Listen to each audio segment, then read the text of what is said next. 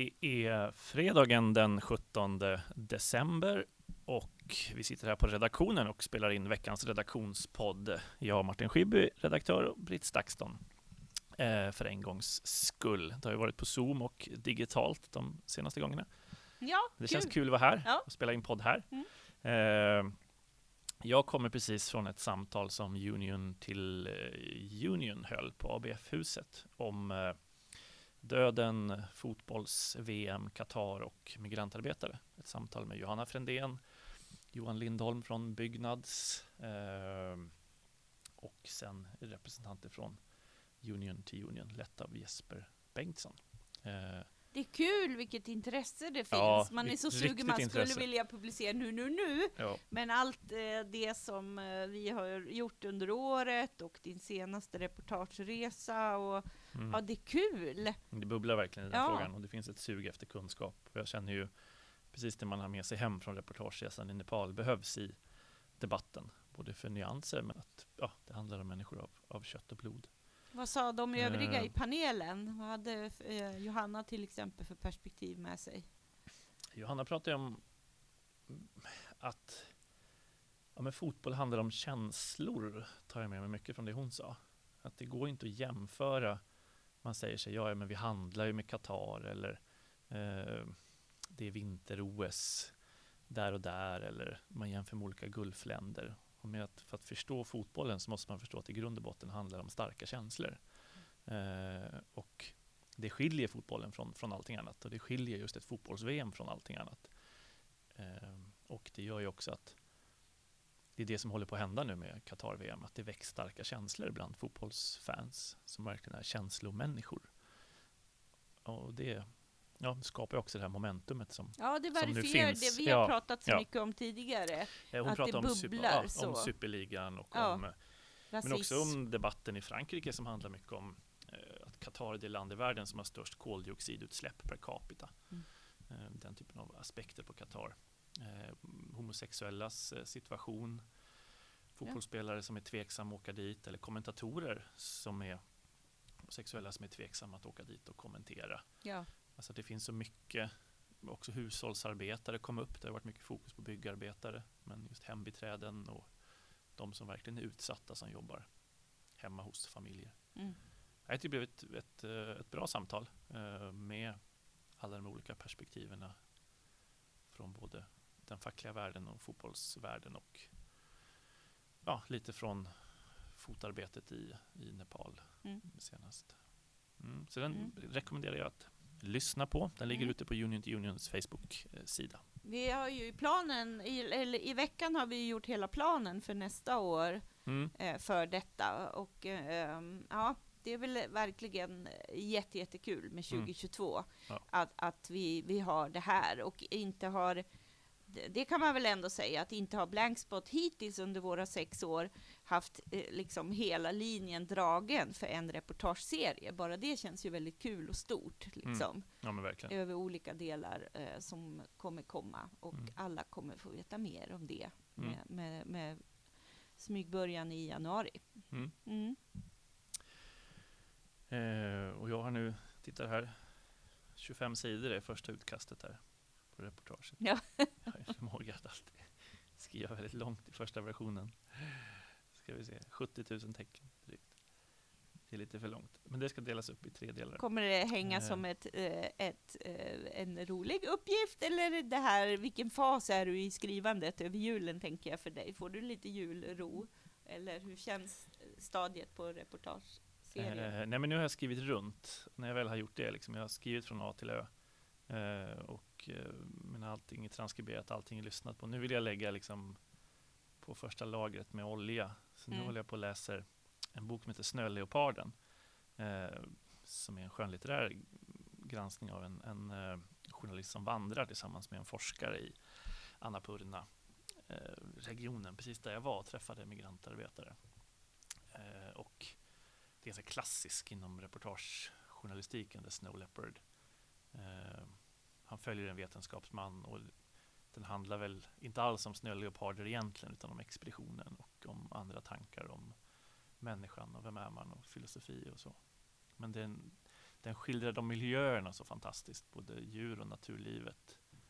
Uh, alltså det är en sån klyschig bok att ha med sig när man reser till Nepal. Men jag brukar, ja, uh, jag hade Men med du mig är den och sen, så. och så du, strök jag under massa saker i den och hade precis och sen gav jag bort den för jag träffade en nepales på flyget ut när jag flög hem som skulle han var så ledsen han skulle plugga i Japan i två år eller han var glad. Och då sa jag men om du saknar Nepal så läs den här boken. Så, men då hade jag alla mina anteckningar i den så jag gav den till honom. Så nu måste jag läsa den igen. Eh, så att jag håller på att läsa den igen. Ja men den är men det är, roligt i perioder, det Ja. är länge sedan nu, men i perioder pratade vi ju mycket om, eh, eller har pratat om skrivande och också, det är ju det roligaste när man hör dig i samtal med våra praktikanter. mm, eh, liksom i den eh, processen. Och du, vad jag uppfattar är ju du, du är ju väldigt, ja men just väldigt sökande och letar alltid inspiration innan du Mm, kommer och så här. Ja, det är kul att höra om var du är i processen. mm, ska Jag brukar ju kalla Martin Lack. glitter när du kommer in och fixar till saker. texter. Ja, Ja, Ibland, så, ibland har man tiden att lägga det extra ja, lagret lack på texten. ja. Apropå lack, stora nyheten i veckan är att eh, klinkbåtstraditionen har blivit ett världsarv. Eller jag skrev världsarv och då Alltså fick jag, smäll bara, på fingrarna av följ Martin på Insta, han har är gone crazy Ja, är plötsligt. båtar. Ja, När fick man lägga upp båtbilder i december? Nu Ja. får man det, för att Unesco utsätter till ett immateriellt världsarv. Traditionen att bygga och segla de här båtarna. Jag kan ju absolut inte bygga de här båtarna och ha största respekt för de som kan det. Men när ju en dröm om att någon gång gå en båtbyggarutbildning. Kommer aldrig hända och jag är inte jag är händig på det sättet. Men jag kan skriva om dem och ta kort på dem. Filma dem och seg- och segla dem. Och är också en del av gaffel traditionen. Och, Gaffel och Spria heter Ja. en förening man kan gå med i. Eh, nej men det är jättekul. Det är ju en mångtusenårig tradition. Klinkbåtar byggda det är just när man bygger brädorna. Inte att de liksom som en vägg, att man tänker att brädan sitter ovanpå nästa bräda, utan de ligger strax utanför varandra. Lite omlott. Ett sätt som skapar en väldigt eh, eh, ja, men både rörlig liksom, båt som kan ta smällar och stora vågor och, och så, men också väldigt stark eh, teknik. Så det var kul. Ja. Och det är ju för detta eh, Svenska Unesco-rådet. Eh, eh, nu står huvudet still. Han är ju, jobbar, nu- är ju nu chef för Sjöfartsmuseet, så man ser ju, han går ju också loss. Just Eh, det. ja, Ja. eh, som var oerhört ja, men drivande i att jag fick en möjlighet att prata inför FN-organ och personer efter hemkomsten från Etiopien. Så att, ja, det är fint att se att många eh, tryckfrihetsjournalister går loss på. Ja, nu har denna jag också nyhet. tappat hans namn, men du borde, då- ni kan ha en liten meetup. Du eh, och, och han och då Fredrik Wass som var omvärldsbevakare på Sveriges tidskrifter som ju har tagit två års tjänstledighet för att utbilda sig till sjökapten, eller? Mats Djurberg va? Ja, Han var nio år generalsekreterare på Ja. Svenska Unesco-rådet. Så Mats Djurberg, du och. Fredrik Wass kan Ja. träffas och ha en båt, eh, passions... Ja, det borde vi verkligen. Ja, Det borde vi redan ha haft. Det får vi ha. ja. Eh, ja men verkligen, det är superkul. Jag hoppas att det leder till fler medlemmar och fler att man förstår att det här är en tradition som någonstans också ärvs från generation till generation Mm. eh, och, och är så viktig att, att hålla vid liv. Eh, Jag var Mm. med i Vasaskeppets vänner en gång i tiden. Ja, ja. Mm. Och då, så att jag och eh, sonen har varit ombord på Vasa. oj, ja. Det känns ju Shit. fantastiskt. Mm, det fick mm. man göra en gång per år. Mm, mm. Det kändes magiskt att få göra. Eh, nu tror jag inte att man får, eller jag tror att det är väldigt begränsat, att man kanske var tredje år som man är med i Va- Vasaskeppets Mm, mm. vänner kan göra det. Men eh, det var ju spännande från, mm, jag är ju då, eh, nog togs det upp samma år som jag är född, typ 61. Eh, jag minns ju Mm. när det var i det här, vad det nu var i för hangar, då det, var, då det bara ångade, sprutade ånga och Ja, man ja, gick bakom Ja, ja. Precis alldeles i början och gick bakom de här plastskynkorna eller vad man nu hade. Ja. Förlåt mig alla båtnördar nej, som kan detta. Men någonting gjordes ju i den Mm. processen så var det spännande att till slut få gå, gå in. Men du, har ju, du hade ju en galen idé att du tror att man eh, borde göra det. Ja, att man kan crowdfunda och bygga Vasaskeppet igen ja. Ja, men lite sån här nationalistisk yra. Kungen får finansiera, så bygger man ett Vasaskepp och så visar man att det går att segla. Och så återupprättar man eh, ja, eh, gamle kungens heder och ära. visar sig att det var inte felkonstruerat. Eh, utan snarare dåligt sjömanskap. Mm. Eh, men jag vet inte, andra menar ju att det just var felkonstruerat. Att det, det är för mycket, för mycket kanoner eh, helt enkelt och för vikten för högt upp. Men då får man väl sätta vikten längre ner tänker jag. Eh, och ja, fixa det. Det vore ju en seger. Segla ut med ett nytt Vasaskepp. Ja. Men det finns annat jag ska göra. Jag ska Ja. göra journalistik och snurr, på blankspot.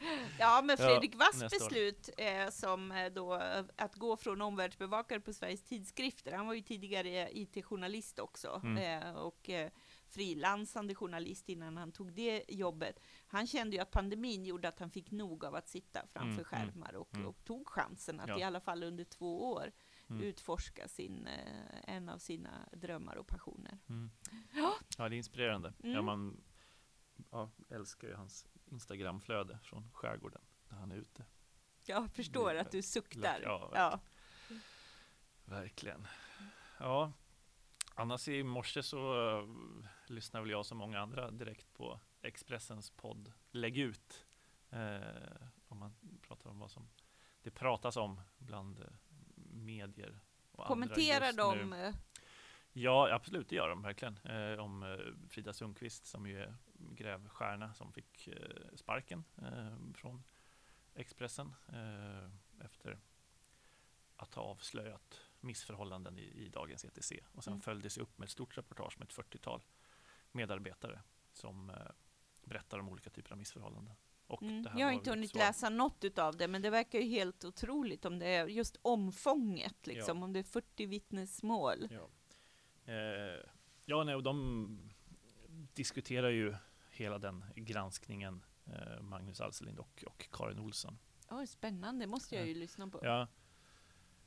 Alltså efter att ha lyssnat den så, det man tar med sig är ju, och som jag tycker man märker när man träffar Expressen människor, är ju den här, alltså att vara efter Aftonbladet, det här revansch, revanschen som finns i deras ögon någonstans. Att eh, för att slå Aftonbladet så måste man bli snabbare, man måste bli bättre, man måste bli liksom vackrare, man måste bli eh, djupare publiceringar.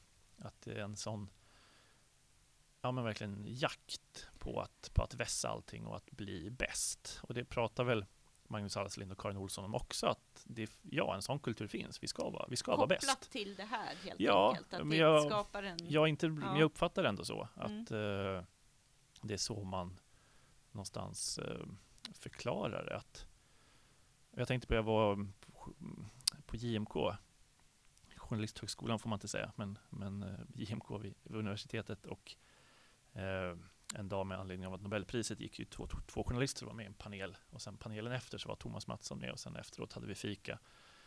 Eh, och då pratade vi om liksom, men dagens journalister och vem vill bli journalist och så vidare. Och Thomas Mattsson var så tydlig i den diskussionen att så här, journalistik är ett kall.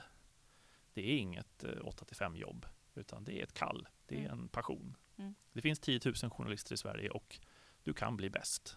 Liksom. Om du skriver, läser, övar, tränar så kan du bli Sveriges bästa journalist. Det finns inte så många. Och att den ambitionen och målsättningen tyckte han att alla, alla skulle ha. Och alla, jag menar Ulrika Hyllert från Journalistförbundet var där och skruvade på sig. alla skruvar på sig. Det får man absolut inte säga att ett yrke är ett kall, för det är ju ja, Florence Nightingale liksom, och jobba Mm. gratis Mm. för the greater good. Och, Mm. och så. Men jag tror inte det var det han menade riktigt heller, utan just den, eh, ja, vad ska man säga? Det är inte en helt sund verksamhet i grunden, journalistik, och det gör att det uppstår en, en, en, massa, en massa grejer lätt. Sen ska man väl säga att de, de säger ju inte att det bara är upplevelser det Frida berättar, utan de, de accepterar ju det som, som fakta och säger det är fakta, det har skett. Det har skett saker eh, som, som absolut inte har varit bra. Men det var intressant att ändå höra deras, att de tog det på den, de tog det på den bogen. Eh, Men ger då en bild Mm. av en extremt tävlingsinriktad och Mm. att du hela tiden ja, både mot konkurrenten men också internt. Ja, Vem för kommer- konkurrenten kan jag ju säga, lyssnar man på Lägg ut så har jag ju tänkt väldigt mycket på det och upplever just det. Men det här, det förklarar ju hur otroligt djupt det här sitter, för jag kan Mm. tycka att de delarna liksom, mm, de är lite ointressanta hela tiden där. Man märker lite det här. Mm, mm. Eh, brösta sig gentemot kollegorna liksom eller så. Och, och det blir det, det, ja, men det, för, det, blir väldigt förklarat av det här för mig på den nivån. Liksom. Mm, mm. Men så då handlar det både om konkurrenter mot andra, men också internt om att producera och fånga stories och allt det här. Mm, mm. Sen går de ju inte in konkret i de olika anklagelserna eller eh, egentligen inte i liksom just Frida Sundqvist kritik. Eh, tar de ju inte upp utan pratar om det på en mer generell, generell nivå. Ja, man får se. Debatten, ja, debatten får, om det. Jag ska lyssna på den podden och jag ska läsa de eh, ETCs. Eh, e mm. Det blev ju också starkare någonstans. Först var det hon som larmade och sen kom då en publicering med 40 röster. Mm. Det gör ju också ändå att det är någonting mer än bara ett enskilt personalärende någonstans i, liksom, i granskningen av Expressen. Mm. Ja, nej, man vet ju inte. Eh. Av vad du återger, lite så på ytan det man har sett och hur man har följt reaktionerna kring eh, mm. innehållet i vittnesmålen i, i, i andra sociala medier, så uh, känns det som en ganska, ändå en klok krishantering, att det är en pusselbit där, mm, mm. att ta det snacket som de gjorde. Ja, mm. det ska bli kul att lyssna på och uh, läsa artiklarna. Mm. Se. Ja, eh, i eh, veckans nyhetsbrev som eh, kommer så kommer vi fortsätta bevaka eh, Qatar. Vi skrev ju om den här, jag har glömt hennes namn, vi ska se, hon heter så mycket som eh, Noof al-Madad, Maded, som var försvunnen, som vi skrev om i Qatar. Kvinnorättsaktivisten som hade flytt till Storbritannien och sen återvänt till Qatar, men varit väldigt aktiv på sociala medier mm. mot kvin kring kvinnors situation.